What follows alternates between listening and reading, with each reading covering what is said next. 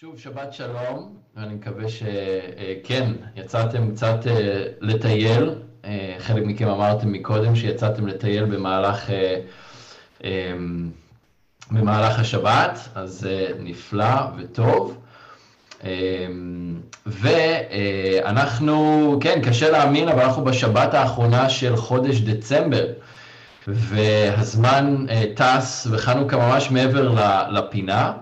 וגם בסדרה שלנו של מרקוס, הזמן מתקתק מהר גם בתוך המסגרת של הסיפור הזה והבשורה של מרקוס, ומרקוס בעצם רץ איתנו מאוד מהר לעבר האירוע של הצליבה למעשה. כל הבשורה של מרקוס זה רץ מאוד מהר לכיוון הצלב, לכיוון מה שקורה מירושלים בימים שלפני הצליבה, בימים שלפני חג הפסח.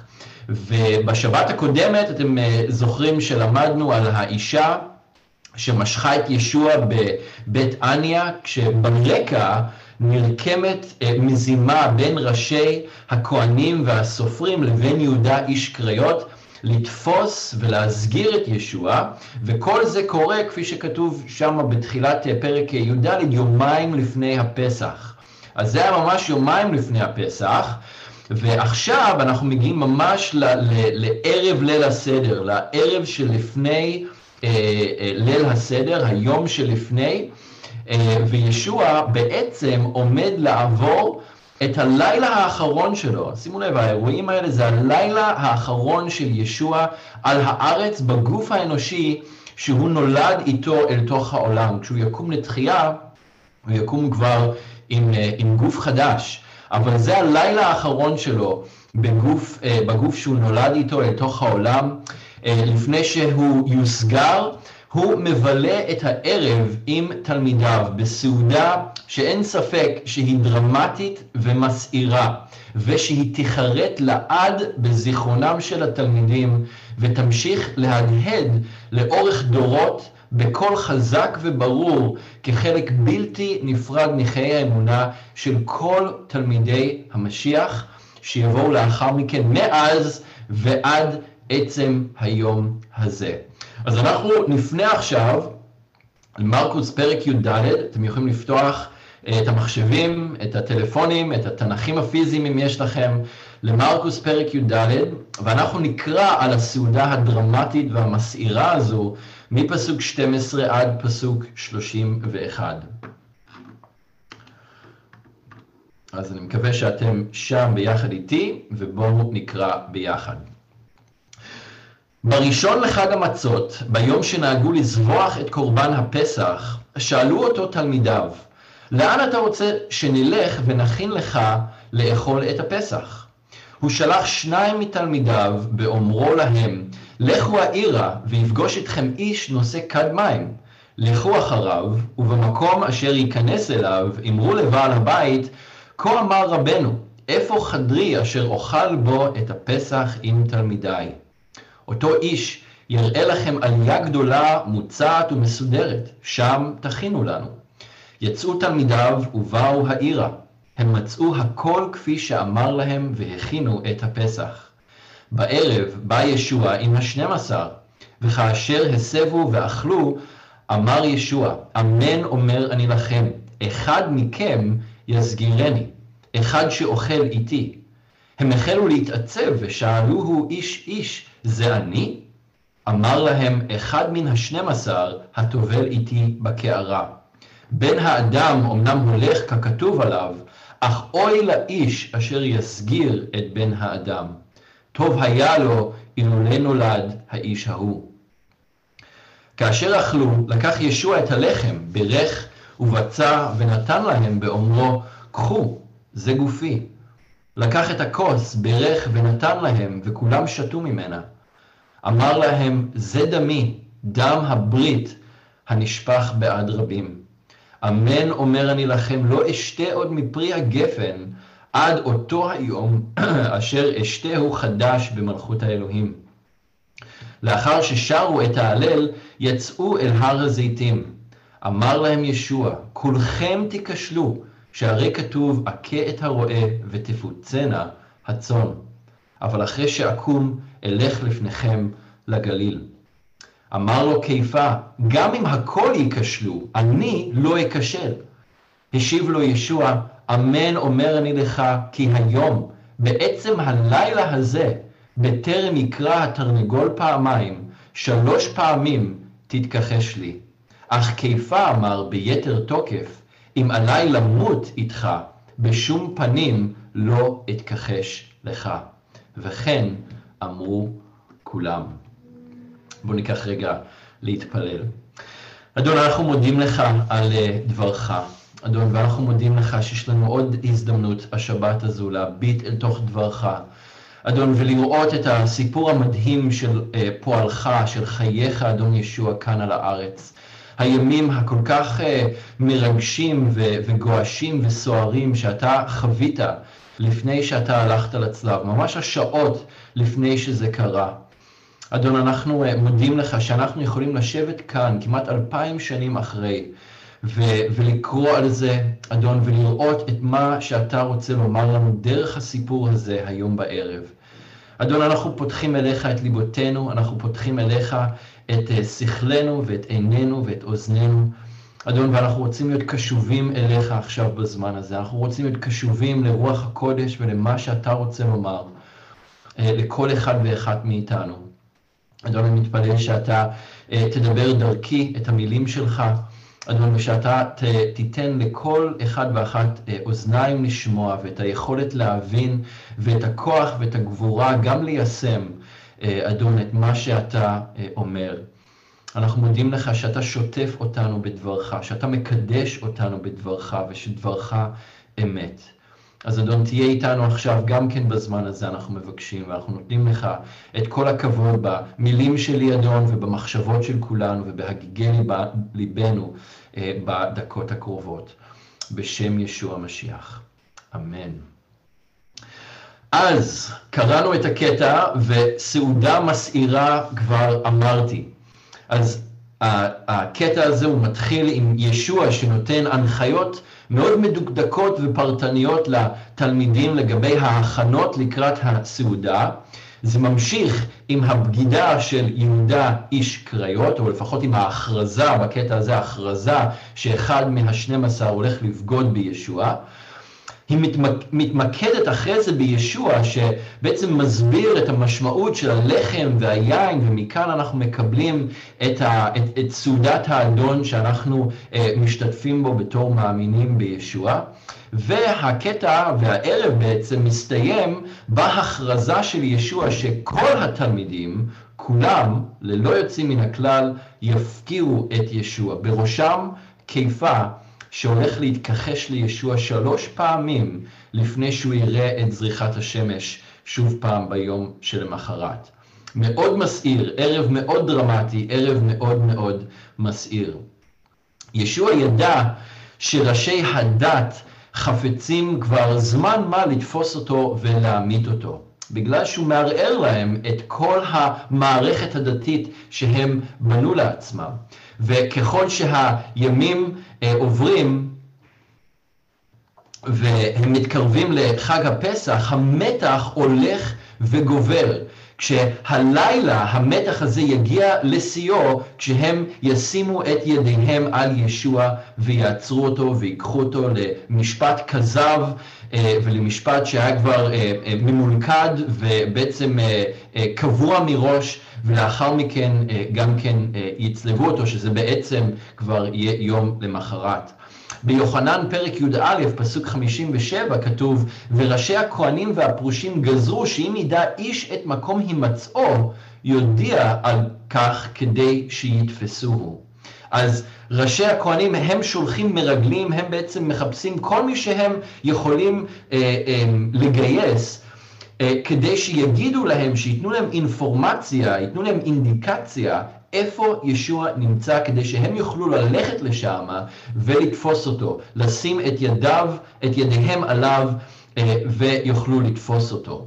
אז מה אתם הייתם עושים אם אתם הייתם במצב כזה שאתם יודעים שמחפשים אתכם, מחפשים לתפוס אתכם? אתם כנראה הייתם נוקטים משנה זהירות כדי שלא יוכלו לתפוס אתכם. וזה בעצם בדיוק מה שישוע עשה כאן בפסוקים הראשונים של הקטע שלנו, פסוקים 12 עד 16, ישוע נתן הנחיות מאוד ברורות לשניים מתלמידיו בנוגע לסעודה הזו שהוא רוצה לערוך איתם. מבשורת לוקאס אנחנו יודעים ששני התלמידים האלה זה שניים משלושת התלמידים הקרובים אליו ביותר. זה היה קיפה ויוחנן, שניים מה, מהמעגל הכי קרוב של ישוע. והם קיבלו את המשימה להיכנס אל תוך העיר ולפגוש שם אדם שנושא כד מים, כדי שהם, אה, כדי שהוא יוביל אותם לעלייה, לחדר עלייה שהוכנה מראש עבור הסעודה, שהייתה מוצעת ומוכנה כדי שהם יוכלו לאכול את הסעודה הזו ביחד.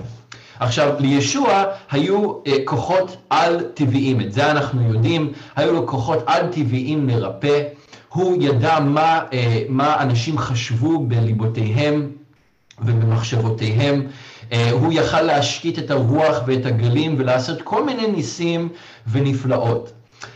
כאן בפסוקים האלה לא מדובר על איזשהו מעשה על טבעי שישוע ידע מראש כל מיני דברים שהולכים לקרות ואמר לתלמידים את הדברים האלה, אלא ככל הנראה מדובר על הכנה מראש שישוע כבר עשה, בגלל שהוא ידע שראשי הדת מחפשים אותו, הם מחפשים לדעת איפה הוא נמצא, כדי שהם יוכלו לבוא ולשים עליו את הידיים ולהמית אותו. אז ישוע פשוט נקט באמצעים מאוד פרקטיים כדי לשמור על אווירה של סודיות, שבעצם אף אחד לא ידע איפה הם הולכים להיפגש ואיפה הם הולכים לשבת, אה, והוא נתן לזה להיגלות רק כשזה בעצם קרה. ו... מה שמעניין פה זה שגברים לרוב לא היו אלה שנושאים כדי מים, אז לראות גבר נושא כד מים זה היה משהו מאוד מוזר, זה היה משהו שהיה בולט לעין. לרוב הנשים הם אלה שנשאו את כדי המים והגברים נשאו נודות יין, אז הנשים אה, סחבו את היין, הגבר, אה, את המים, סליחה, והגברים סחבו את היין. אז די ברור שהיה כאן איזשהו סימן מוסכם מראש שישוע איכשהו ארגן והעביר אה, לאותו אדם אה, שיכין את המקום הזה מראש, וכשהתלמידים יראו את הדבר הזה, אז זה יהיה להם אות שהם יוכלו לזהות שזה האדם שהם צריכים ללכת אה, איתו. עכשיו, כמה דברים כלליים אה, ככה לגבי הסעודה. לגבי התזמון של הסעודה הזו, אני לא רוצה להרחיב אה, על זה יותר מדי כרגע, כי יש טענות לגבי הסעודה לכאן ולכאן. לגבי אחד מועד הסעודה, האם זה היה בליל הסדר עצמו, כפי שעולה כאן או יכול לעלות כאן אה, ויכול להיראות לפי הטקסט, שזה היה ממש בערב ליל הסדר עצמו, כלומר ב-15 בניסן, אה, בערב בתחילת היום המקראי של יום הפסח, או אם זה היה בערב שלפני ליל הסדר, אוקיי? ב-14 בניסן, בתחילת ה-14 בניסן, שזה בעצם היה השקיעה של היום שלפני, תחילת יום ההכנות של הפסח ותחילת היום שהיו שוחטים את הטלאים בבית המקדש לקראת ליל הסדר. אז זה הדבר הראשון שככה תוהים לגביו המועד של הסעודה, והדבר השני זה סוג הארוחה. האם זה אכן היה סדר פסח? וכשאני אומר סדר פסח, אז אני מתכוון לא לסדר כמו שאנחנו מכירים אותו היום, שהוא בעצם אה, פרי אה, עשייתם של הרבנים של אה, תקופת אה, בית שני, ומה שבא אה, אחר כך, אלה שכתבו את התלמוד, ו, וכל הדברים האלה, ואפילו יותר מאוחר, מנהגים שנכנסו יותר מאוחר מזה.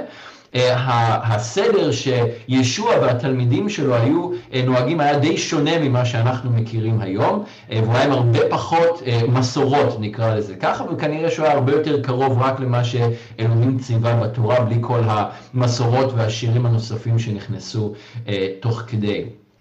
אז האם זה היה סדר פסח באמת, או האם זה היה מעין ארוחת סיום הכשרה של התלמידים, שגם ישוע ניצל אותה והשתמש בה כדי לכוון למשמעות הסמלית של הפסח ושל מה שעמד לקרות יום למחרת, גם מבחינת מה שיקרה בלוח השנה של עם ישראל, שזה בעצם ליל הסדר, וגם מה שהוא יעשה, שזה בעצם מקביל לזה אחד לאחד, וממלא ומממש את המשמעות הנבואית של החג הזה, שהוא בתור שא האלוהים יממש ויקיים בזמן הזה של, של החג.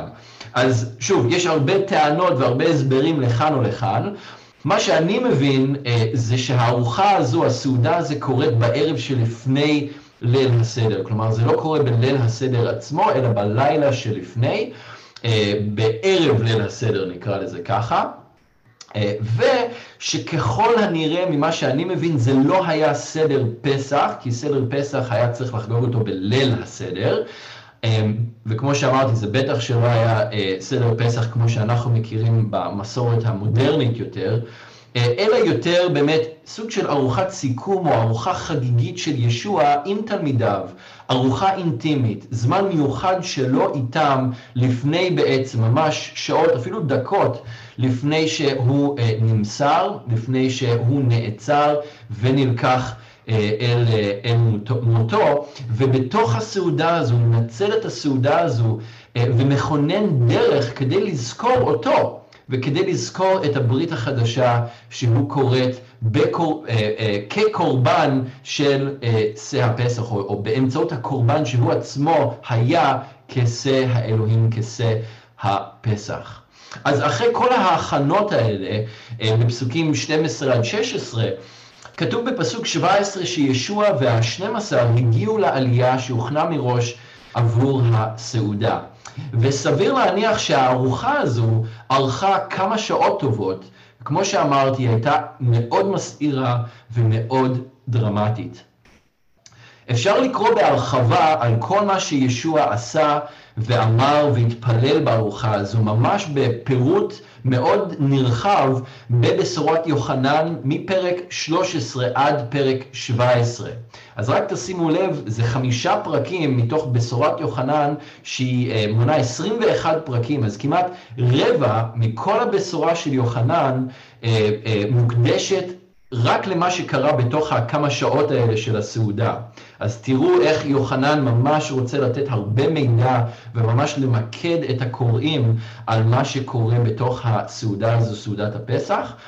מרקוס כותב בצורה הרבה יותר מתומצתת, אז אני רוצה לשאוב כמה דברים תוך כדי, גם כן מתוך הבשורה של יוחנן, כדי קצת למלא את, החלל או את מה שחסר מהתיאור היותר מצומצם של, שמרקוס נותן לגבי הסעודה. הדבר הראשון שהיה בלתי רגיל ולא מופיע בבשורה של מרקוס, אבל מופיע ביוחנן פרק י"ג מפסוק 4 עד פסוק 17, קרה ממש עם הגעתם של ישוע והתלמידים לחדר העלייה לפני שהם ישבו לאכול. ומה שישוע עשה זה שהוא רחץ את רגלי התלמידים.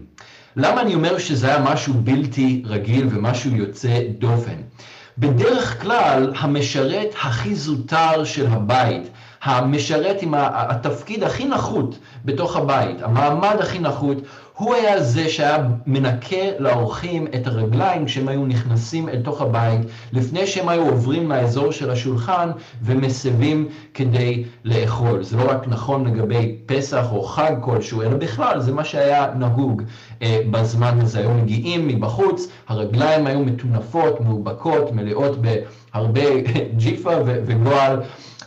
והיה צריך לנקות להם את הרגליים לפני שהם היו נכנסים אל תוך הבית.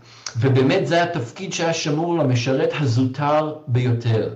אבל כאן, ישוע לא נותן את המשימה הזו לתלמיד הכי זוטר, או למשרת הכי זוטר, שסביר להניח היה שם גם כן בתוך החדר העלייה ועזר להכין או לשרת את ישוע ואת התלמידים במהלך הסעודה הזו, אלא ישוע הוא עצמו פושט את בגדיו, ככה כתוב בקטע מתואר שם, הוא פושט את בגדיו, הוא חוגר את עצמו במגבת, הוא יורד על ברכיו, ובמעשה שירות בלתי רגיל לחלוטין, הוא התחיל לרחוץ את רגליו של תלמידיו.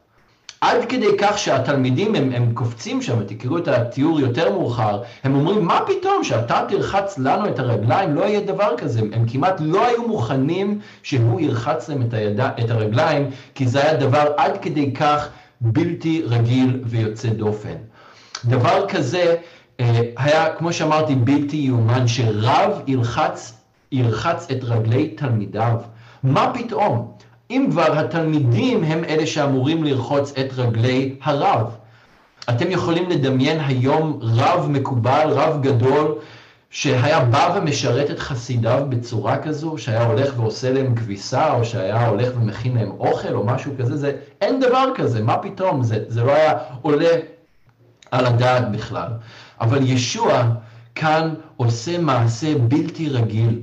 הוא רוחץ את רגלי התלמידים כמופת עבורם וגם כמופת עבורנו. שגם אנחנו נדע, וזה מה שהוא אומר שם, שגם אנחנו נדע לרחוץ זה את רגלי זה. שגם אנחנו נדע לקחת את המקום הנמוך והשפל ביותר כדי לשרת אחד את השני באותה צורה. אתם יודעים, בכנסייה הקתולית יש להם מנהג כזה סביב הזמן של הפסח, או הפסחא, אה, ש, שכל הקרדינלים הגדולים הם בעצם באים והם כאילו באיזשהו אקט סמלי כזה מתחילים לרחוץ אחד את הרגליים של השני. אז כמובן שישוע לא התכוון שאנחנו נתחיל עכשיו לרחוץ את הרגליים אחד של השני אה, פעם בשנה באופן סימבולי כזה, בטח לא רגליים נקיות ומצוחצחות, בטח כמו של הקרדינלים האלה, אבל הכוונה שלו הייתה שאנחנו כל הזמן נשרת אחד את השני, שכל הזמן אנחנו ניקח את המעמד הנמוך ביותר ונשים את האחר מעלינו, ובכך אנחנו נשרת אחד את השני. זה היה הדבר השערורייתי הראשון והיוצא דופן והמסעיר הראשון שקרה באותו הערב. בפסוק 18, בקטע שלנו במרקוס כתוב, וכאשר הסבו ואכלו, אמר ישוע, אמן אומר אני לכם, אחד מכם יסגירני, אחד שאוכל איתי. אז ישוע כבר אמר מספר פעמים שיבגדו בו, שיסגירו אותו, שהוא ימות ושהוא יקום לתחייה. הוא אמר את זה במרקוס פרק ח' פסוק 31, הוא אמר את זה עוד פעם במרקוס ט' פסוק 31, והוא אמר את זה בפעם האחרונה, בפעם השלישית, במרקוס פרק י' פסוק 33. ואני אצטט משם, כתוב, ישוע בעצם אה, אומר לתלמידים שהם עולים לירושלים, הנה אנחנו עולים לירושלים, ובן האדם יימסר לראשי הכהנים ולסופרים. הם יחרצו את דינו למוות וימסרו אותו לגויים. הללו יהטילו בו וירקו בו, ירקו אותו ויהרגוהו, ואחרי שלושה ימים יקום. אז ישוע אמר להם את זה שלוש פעמים לפחות, שמתועד לנו כאן בבשורה הזו, והוא אומר להם את זה בצורה די ברורה, תקשיבו, אנחנו עולים לירושלים, הולכים למסור את בן האדם לראשי הכהנים והסופרים, הם יחרצו את דינו למות, הם ימסרו אותו, הם יטילו בו, הם ירקו עליו, הם ילקו אותו, הם יהרגו אותו, ואחרי שלושה ימים הוא יקום. אז אנחנו קוראים את זה, אנחנו מבינים שיותר ברור מזה, זה לא יכול כל כך להיות, אבל התלמידים לא הבינו על מה הוא מדבר. ובוודאי ובוודאי שהם לא חשבו שהבוגד הזה, או מי שימסור את ישוע לראשי הכהנים והסופרים, יהיה מישהו מהם. כי עד עכשיו ישוע דיבר על אותו אה, אירוע בגוף שלישי, ישוע יימסר, בן האדם יימסר. עד עכשיו זה היה בגוף שלישי, הם לא תיארו לעצמם שזה מישהו שיבוא מקרבם, מקרב השנים עשר. אז הנה הדבר השני שישוע עושה, הוא מפיל פה פצצה רצינית.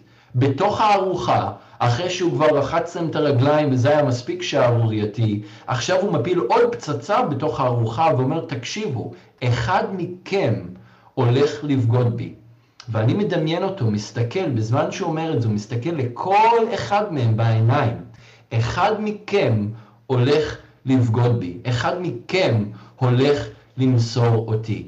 וכולם תוהים לעצמם ושואלים את ישוע ובטח מסתכלים אחד על השני ותוהים לעצמם, זה אני? זה אני הולך לבגוד באדון? אני הולך לבגוד ברב? כמו שכתוב בפסוק 19, עכשיו, מרקוס לא מזכיר כאן את יהודה איש קריות אה, בשמו, או את מה שהתחולל אה, לאחר מכן, אז אני לא רוצה להתמקד בזה, אבל אה, ש, שיהודה בעצם קם ויצא, אבל מה שאני כן רוצה שתשימו לב אליו, זה להזהרה שמרקוס מתעד, של ההזהרה של ישוע בפסוק 21.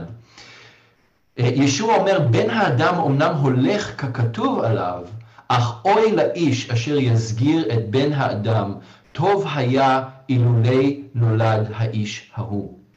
אז ישוע בעצם אמר לתלמידים שמה שיקרה לו ביממה הקרובה, ב-24 שעות הקרובות, אפילו פחות מזה, כל מה שנובע בפי הנביאים, המעצר, הגידופים, הלעג, המכות, ההלקאות, בסופו של דבר גם הצליבה והמוות וגם התחייה, שהוא אמר שהוא גם יקום אחרי זה, כל אלה יקרו בדיוק כפי שכתוב. מה שכתוב חייב להתקיים. זה גם מה שישוע אמר אחרי שהוא קם לתחייה. הוא אומר, אבל אני אמרתי לכם את כל מה שיקרה, ומה שנאמר שיקרה היה חייב לקרות. ויחד עם זאת, אני חושב שישוע נתן כאן אזהרה אחרונה, הזדמנות אחרונה ליהודה, שהוא אומר לו, אוי לאיש אשר יסגיר את בן האדם, טוב היה אילולי נולד האיש ההוא. ישוע אומר, מה שיקרה לי, מה שעומד לקרות לי, זה מה שכתוב. בן האדם הולך ככתוב עליו. הדברים האלה הם כבר באמת נקבעו מראש, ואני הולך למלא את הדברים האלה. ואגב, גם לישוע הייתה בחירה, אבל הוא בחר ללכת עם זה עד הסוף. העתיד שלנו הוא לא משהו שקבוע מראש. אנחנו לא, אנחנו לא דמויות שפשוט מתהלכות לפי איזשהו קצב שנקבע מראש ו- וחווים אירועים ועושים מעשים שנקבעו מראש. לא. יש לנו בחירה, יש לנו בחירה חופשית, ואני חושב שברגע הזה, ליהודה עדיין הייתה הבחירה לסגת מההחלטה שלו. מה היה קורה אם הוא היה בוחר לסגת, אני לא יודע. אני מאמין שישוע עדיין היה מוסגר, עדיין היו תופסים אותו, עדיין היה... הכל היה קורה אותו הדבר, אבל יהודה היה יכול לבחור עדיין בדרך אחרת, וזאת הייתה ההזדמנות שלו, שישוע נתן לו, הזדמנות אחרונה לסגת מההחלטה שלו. יהודה כבר הניע תהליך של בגידה עם ראשי הדת, הוא כבר נפגש איתם, הוא כבר דיבר איתם, הוא כבר קבע איתם מה יהיה. וזה היה עוד לא מאוחר מדי בשבילו להתחרט ולשנות את החלטתו. לא משנה באיזה סיטואציה אה, אנחנו, אתם מוצאים את עצמכם אה, בחיים, בין אם זה משהו שקורה עכשיו ובין אם זה משהו שעוד יקרה בהמשך הדרך. אף פעם לא מאוחר מדי לחזור לישוע. והוא תמיד נותן את האזהרות האלה, והוא נותן, תמיד נותן את דרך המוצא, את הדרך להימלט החוצה. כמו שגם אה, כתוב, כל ניסיון שבא אלינו, תמיד הוא נותן לנו דרך מילוט. ואני מאמין שזה היה דרך המילוט של יהודה, שלצערנו הוא לא בחר לקחת אותה. אה, אבל הוא תמיד נותן לנו את דרך המילוט אה, הזו כדי לצאת וכדי אה, לברוח. אז יהודה המשיך עם ההחלטה שלו, הוא יצא, זה לא מתועד לנו כאן, אפשר לקרוא על זה ביותר הרחבה בבשורה של יוחנן, אבל הוא יוצא והוא עוזב את הארוחה. וכשהוא קם והוא יוצא, התלמידים עדיין לא מבינים בדיוק במה מדובר. ושוב, יוחנן מתאר את זה בפרק י"ג פסוקים 27 עד 30, שכתוב שאמר לו ישוע, וזה אחרי שישוע אומר שמי שיטבול איתו, או מי שיטבול בקערה, הוא זה שיבגוד בו, והוא מושיט, ישוע מושיט ליהודה את הקערה, ויהודה מחליט לטבול, ואז כתוב שהשטן נכנס בו. אז שוב, אני חושב שזה מחזק את העניין הזה שהייתה לו בחירה, הייתה לו דרך מילוט. אבל הוא בחר ללכת עם זה בכל זאת. ואז כתוב שאמר לו ישוע, את אשר תעשה, עשה מהר. ואיש מן המסובים לא ידע לשם מה אמר לו זאת. הם לא הבינו למה ישוע אמר לו את מה שתעשה, עשה מהר. הואיל והקופה הייתה אצל יהודה, חשבו אחדים שישוע אמר לו, קנה מה שנחוץ לנו לחג. אולי זה עוד רמז שזה לא היה ליל הסדר, אלא זה היה ערב לפני, כי יודע הזמן להתכונן לחג, וגם שהוא אומר לו בהמשך, או שייתן משהו לעניים, בהקשר הזה של לקראת החג, והוא אחרי שלקח את הפרוסה, יצא מיד, אז היה לילה. אז השעות עברו, יהודה, הם סיימו את הארוחה, יהודה יצא מן הארוחה, וכבר לא היה ערב, כמו שקראנו שהם הגיעו, עברו כמה שעות, וכבר היה לילה. הערב היה מאוד דרמטי עד עכשיו, לא מה שהתלמידים כנראה ציפו בערב הזה, אבל זה עוד יהפוך לדרמטי הרבה יותר ממה שהיה עד עכשיו. אני רוצה להתמקד איתכם רגע בסוף הקטע שלנו. אחרי הסעודה, כשישוע והתלמידים יוצאים לכיוון הר הזיתים וגת שמנים, ואני רוצה להתמקד רגע בפסוקים 26 עד 31, אחרי זה אנחנו נחזור לפסוקים האחרים שדילגנו עליהם. אם לא מספיק שאחד משנים עשר, יהודה, בעצם עומד לבגוד בישוע, להסגיר אותו, למכור אותו תמורת 30 מטבעות כסף, אז ישוע גם יודע, והנה הוא פה מכריז, שעד הבוקר כל התלמידים שלו, כל האנשים שהכי קרובים אליו, כולל המעגל הכי קרוב אליו, של קיפה ויעקב ויוחנן, כולם, ללא יוצאים מן הכלם, ייכשלו. וכולם יעזבו אותו, יפקירו אותו, וגם יתכחשו לו. כל התלמידים, וקיפה בראשם, לא מוכנים לשמוע את מה שהוא אומר להם. והנה הוא מכריז להם את זה בפסוקים האלה, 26 עד 31, הוא אומר להם, כולכם תיכשלו בגללי, כולכם תיכשלו, כולכם תעזבו אותי. אבל הם לא מוכנים לשמוע או לקבל את זה בשום פנים ואופן, ממש כמו שהם לא היו מוכנים שהוא ירחץ להם את הרגליים בבשורה של, אה, כמו שקראנו אה, בבשורה של אה, יוחנן, כמו שדיברנו עליו. והם אומרים, מה פתאום? מה פתאום, אדוננו? שאני, או קיפה אומר שאני אכשל, מה פתאום? גם אם כל האחרים האלה ייכשלו, ובטח מצביע על כולם, גם אם כל אלה ייכשלו, אני לעולם לא יעזוב אותך. יותר מזה, אני גם מוכן ללכת ולמות איתך, ובשום פנים ואופן אני לא אתכחש לך. את ישוע אבל זה לא הפתיע.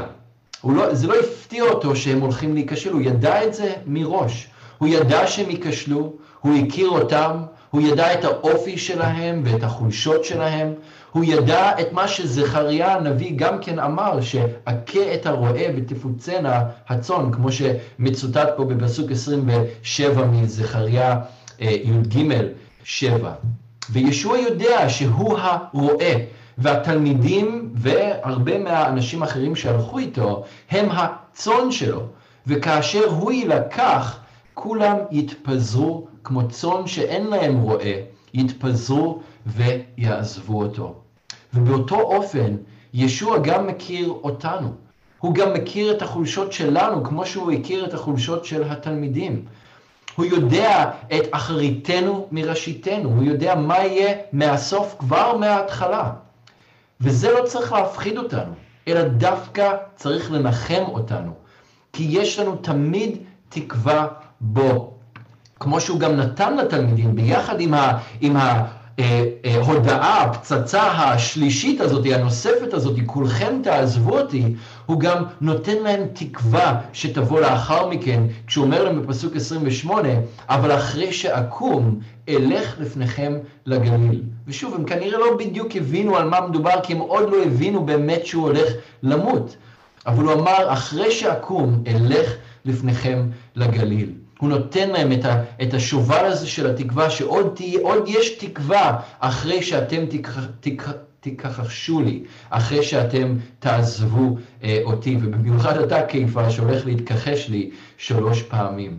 אז בין הבגידה של יהודה וההתכחשות העתידית של התלמידים שהולך לקרות בעוד מספר דקות מעכשיו, מאותו רגע שישוע אמר את הדברים האלה, ישוע מביע בסעודה הזו, אם אנחנו חוזרים לפסוקים באמצע, את עומק האהבה שלו, הנאמנות שלו והנתינה האין סופיים שלו.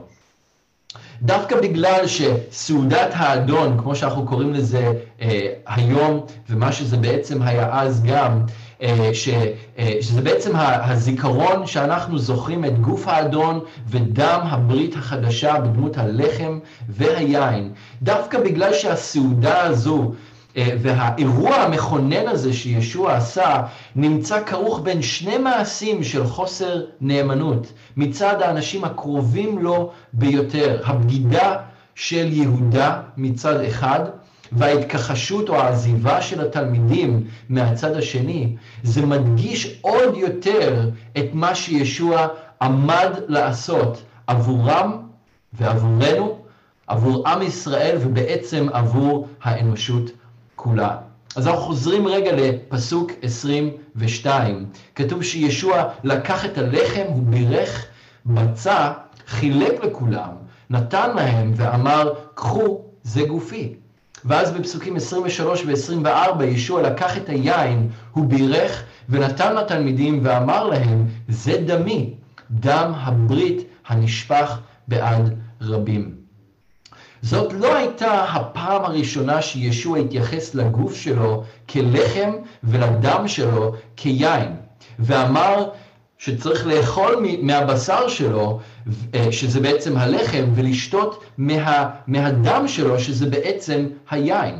ושוב פעם, יוחנן שמתאר את זה יותר, ביוחנן פרק ו', מפסוק 48 עד פסוק 58, ואני לא אקריא את כל הפסוקים, רק כמה חלקים, אה, הוא מדבר בהרחבה על הנושא הזה שהוא, הגוף שלו זה הלחם והדם שלו זה היין. תקשיבו לחלק מהדברים שהוא אומר כאן.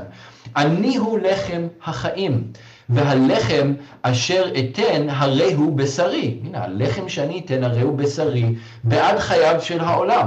אחרי זה אמר להם ישוע, אמן אמן, אני אומר לכם, אם לא תאכלו את בשר בן האדם ולא תשתו את דמו, אין לכם חיים בקרבכם. האוכל את בשרי ושותה את דמי, יש לו חיי עולם, ואני אקים אותו ביום האחרון. כי בשרי הוא מאכל אמיתי ודמי הוא משקה אמיתי. האוכל את בשרי ושותה את דמי שוכן בי ואני בו. יכול להיות שאתם שומעים את המילים האלה ואתם קצת אה, לא מבינים או שזה מערער בכם איזושהי חלחלה מסוימת, לאכול בשר של בן אדם ולשתות יין של בן אדם, מה זה הדבר הזה? זה נשמע כמו קניבליזם או משהו נוראי כזה. אז אני אגיד לכם שאם אתם מרגישים תחושות כאלה, אתם לא בחברה רעה, כי כתוב שאחרי שישוע אמר את הדברים האלה, הרבה, רבים מתלמידיו עזבו אותו. בגלל הדברים הקשים האלה שישוע אמר. עכשיו, חשוב פשוט לומר ולהגיד את זה באופן ברור וחד, אה, שישוע כמובן לא מעודד קניבליזם, הוא לא מתייחס לזה, הוא לא מכוון לזה בשום צורה, בשום אה, דרך, וברור שהוא לא התכוון שמישהו באמת יאכל את הבשר שלו, באמת ישתה את הדם שלו. אבל הוא כן מדבר כאן בשפה מטאפורית, בשפה מטאפורית מאוד קשה, כי הוא מנסה להעביר נקודה. הוא מנסה להעביר את, ה, את המשמעות של מה שהוא בעצם אומר. והמעשה הסמלי הזה של סעודת האדון, שמאוד מתקשר לדברים האלה שישוע אמר כאן בבשורה של יוחנן, הרבה לפני, שבועות, חודשים, אפילו שנים לפני הסעודה האחרונה, ולפני שהוא באמת אה, בצע את הלחם ואמר זה גופי תאכלו, ובירך את היין ואמר זה דמי תשתו, כשאנחנו אוכלים מהלחם ושותים מהיין שמסמל, דגש על מסמל, את גופו ואת דמו של אה, האדון, אז אנחנו מאמינים בכל ליבנו, בקורבן, שהמשיח הקריב עבורנו בגופו ובדמו. וזה מאחד אותנו איתו, האמונה הזו שלנו בו ובמה שהוא עשה, מאחד אותנו איתו. והוא זה שנותן לנו חיים, והוא שוכן בנו ברוחו ומאפשר לנו לשכון גם כן בו. יש, אה, שאול מחדד את הנקודה הזו עוד יותר בראשונה לקורינטים פרק י"א, פסוקים 22, אה, סליחה, 23 עד 26, אלה הפסוקים שאנחנו נוהגים להקריא אותם לפני שאנחנו לוקחים את סעודת האדון יחד בתור קהילה. ושאול כותב להם, אכן אני קיבלתי מאת האדון את אשר גם מסרתי לכם, שהאדון ישוע, בלילה שהוסגר בו, לקח את הלחם, בירך, בצע אותו, ואמר, זה גופי הנבצע בעדכם, זאת עשו לזכרי. כמו כן, גם לקח את הכוס לאחר הסעודה ואמר, הכוס הזאת היא הברית החדשה בדמי. זאת עשו לזכרי בכל עת שתשתו. הן בכל עת שאתם אוכלים את הלחם הזה ושותים מן הכוס הזאת, אתם מזכירים את מות אדוננו עד שיבוא.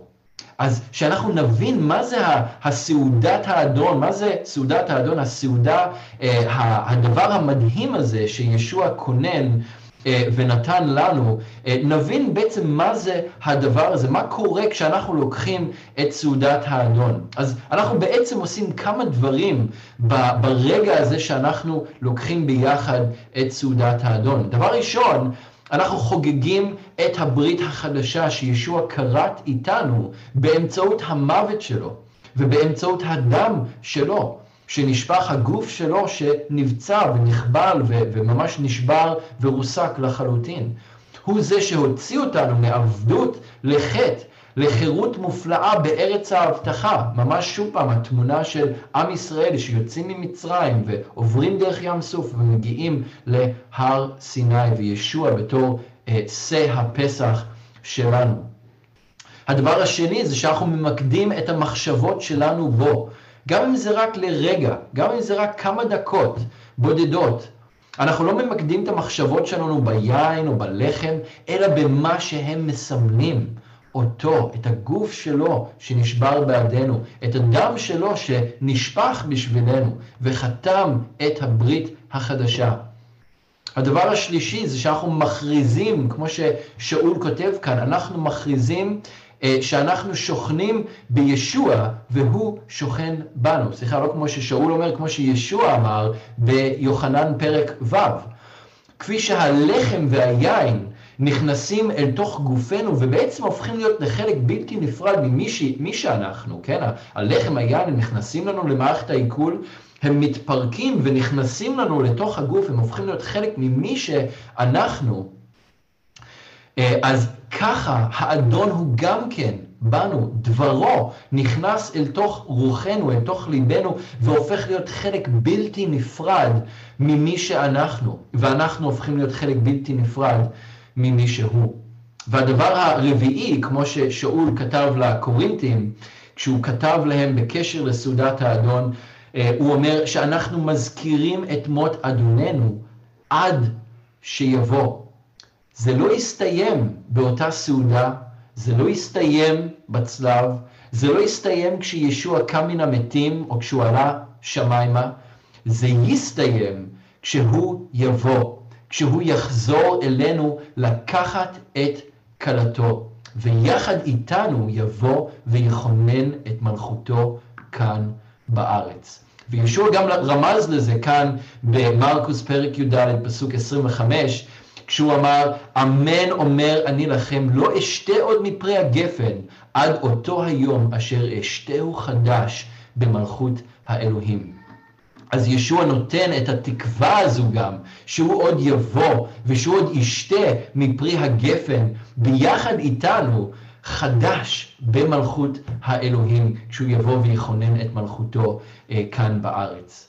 עכשיו, כקהילה אנחנו נוהגים להשתתף יחד בסעודת האדון פעם אה, בחודש, בשבת הראשונה של כל חודש.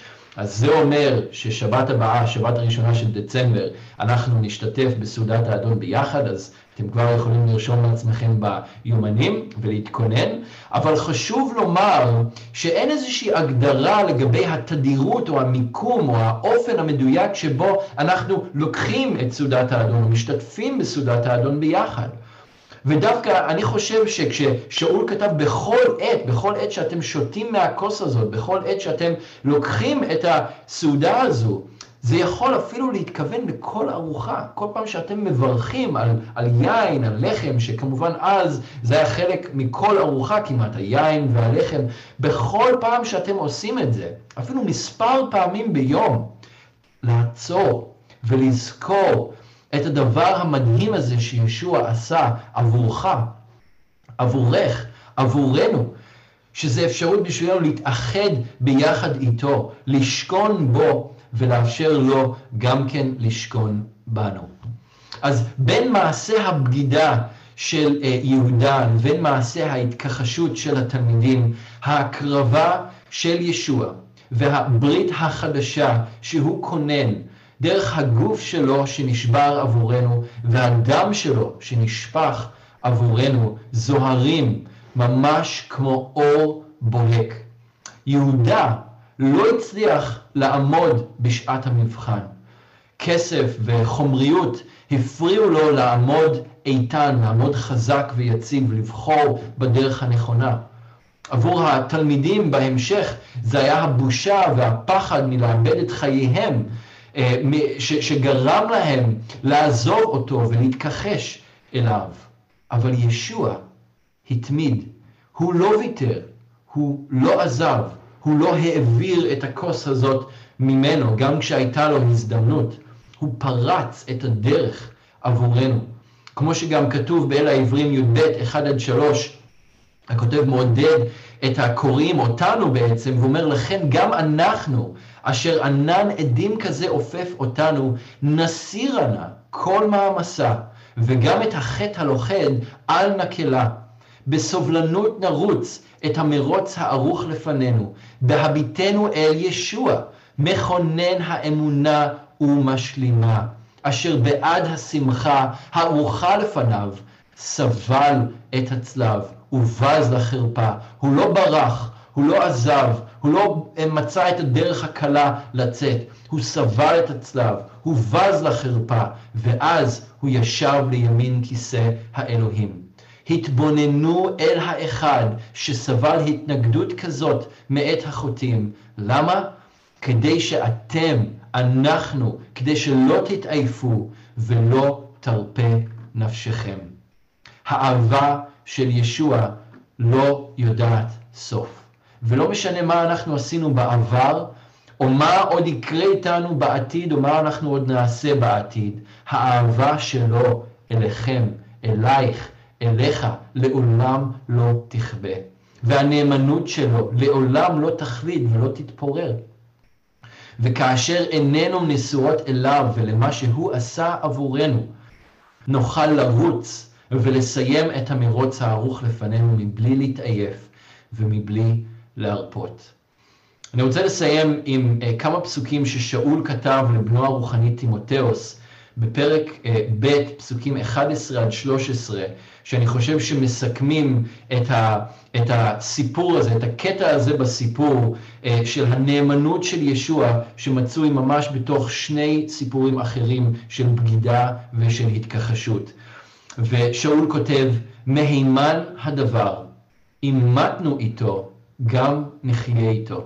אם נחזיק מעמד, גם נמלוך איתו.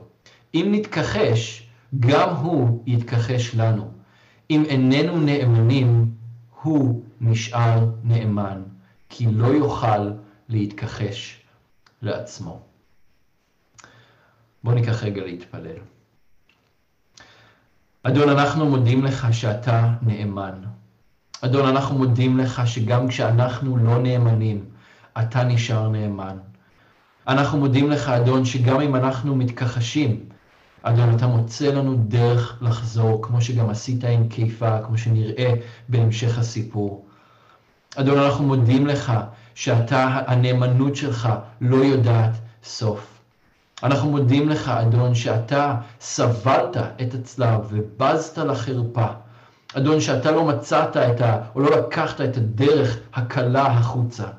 אלא אדון שמה שאתה התחלת באותו ערב עם התלמידים בסעודה הזו, מה שאתה כוננת, הברית החדשה בגופך שנשבר בשבילנו, והדם שלך שנשפך עבורנו, אתה התמדת עם זה, אתה רצת עם זה עד הסוף, אדון, עד, הס, עד הסוף בגלל השמחה שהייתה ארוכה לפניך, ואתה פרצת את הדרך עבורנו ללכת אחריך, אדון, ביחד בדרך הזו.